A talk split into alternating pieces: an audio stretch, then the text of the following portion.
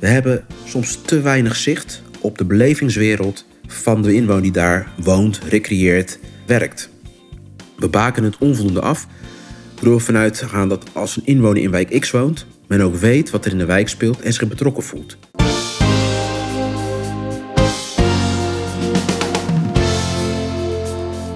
Welkom bij het Schaap met de Vijf Poten podcast.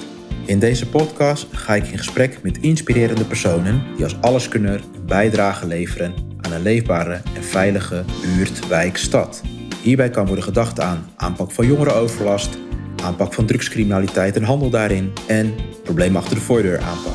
Dit doe ik door het delen van tips, handigheidjes, interviews en bespreken van praktijksituaties.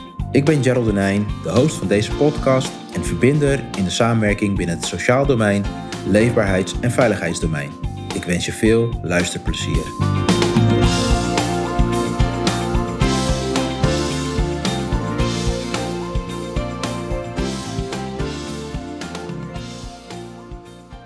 De interviews met Bart de Laat van woningcorporatie Wonen Breeburg en de handhavers Lisanne en Roy van detacheringsbureau MBO geven goed weer waar de leefbaarheid in de wijk over gaat. Samenwerken met partners en inwoners. Zichtbaar en aanwezig zijn in de wijk. Inwoners elkaar kennen en voor elkaar klaarstaan.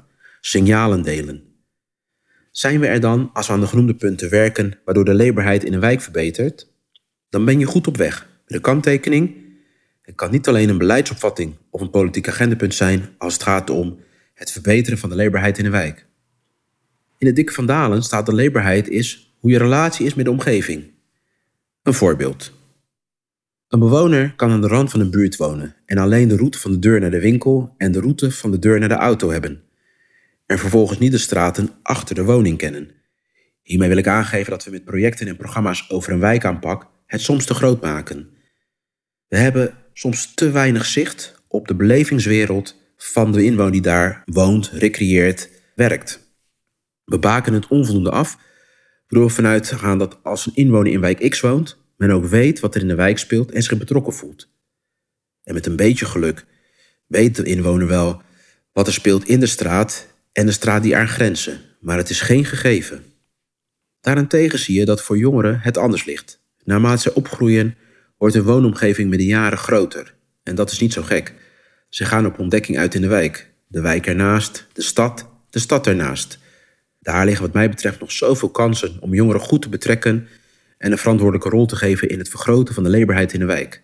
Bijvoorbeeld door slimmer inzetten op de maatschappelijke diensttijd vanuit misschien wel een, een woningcorporatie.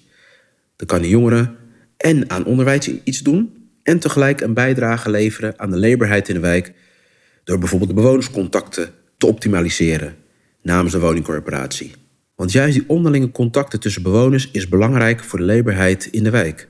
Sterker nog, uit diverse onderzoeken, waaronder die van het grootstedenbeleid, komt naar voren dat de sociale kwaliteit een grote invloed heeft op de leefbaarheid en daarmee op de gevoelens van onveiligheid in de wijk. Onder sociale kwaliteit wordt verstaan dat je in enige mate in staat bent om deel te nemen aan het sociale en economische leven. De volgende elementen vallen onder sociale kwaliteit: zelfredzaamheid, sociale cohesie, sociale insluiting, sociaal-economische zekerheid. Kortom, het gaat om de kwaliteit van dagelijks leven van mensen. Dat biedt een ander perspectief om naar de leefbaarheid in de wijken te kijken. Een mooi voorbeeld is een stadsvernieuwing. Met de goede bedoelingen en oprechte intenties worden bijeenkomsten georganiseerd waar de inwoners, waar het om gaat, niet meteen betrokken zijn bij de houtskoolschets. Die worden later in het proces betrokken, bijvoorbeeld als er al contouren bekend zijn. Dat het ook anders kan, heb ik begin van dit jaar meegemaakt in Breda. Met Verbeter Breda wil de gemeente werken om kansenongelijkheid tegen te gaan. Dan kom je sowieso in het dagelijks leven van mensen. En het is ook heel mooi dat informatie bij inwoners is opgehaald. Wat mij wel opviel, was dat de inwoner die met kansongelijkheid te maken heeft, niet in de kopgroep zat. Eerlijk is eerlijk. Er werd wel door de gemeente rekening gehouden met het feit dat je sociale structuren niet kapot moet maken. Dan raakt men hun basis kwijt. Komen nieuwe mensen die niets van doen hebben met de achterblijvers. Want dat heeft als gevolg dat leefbaarheid achteruit gaat.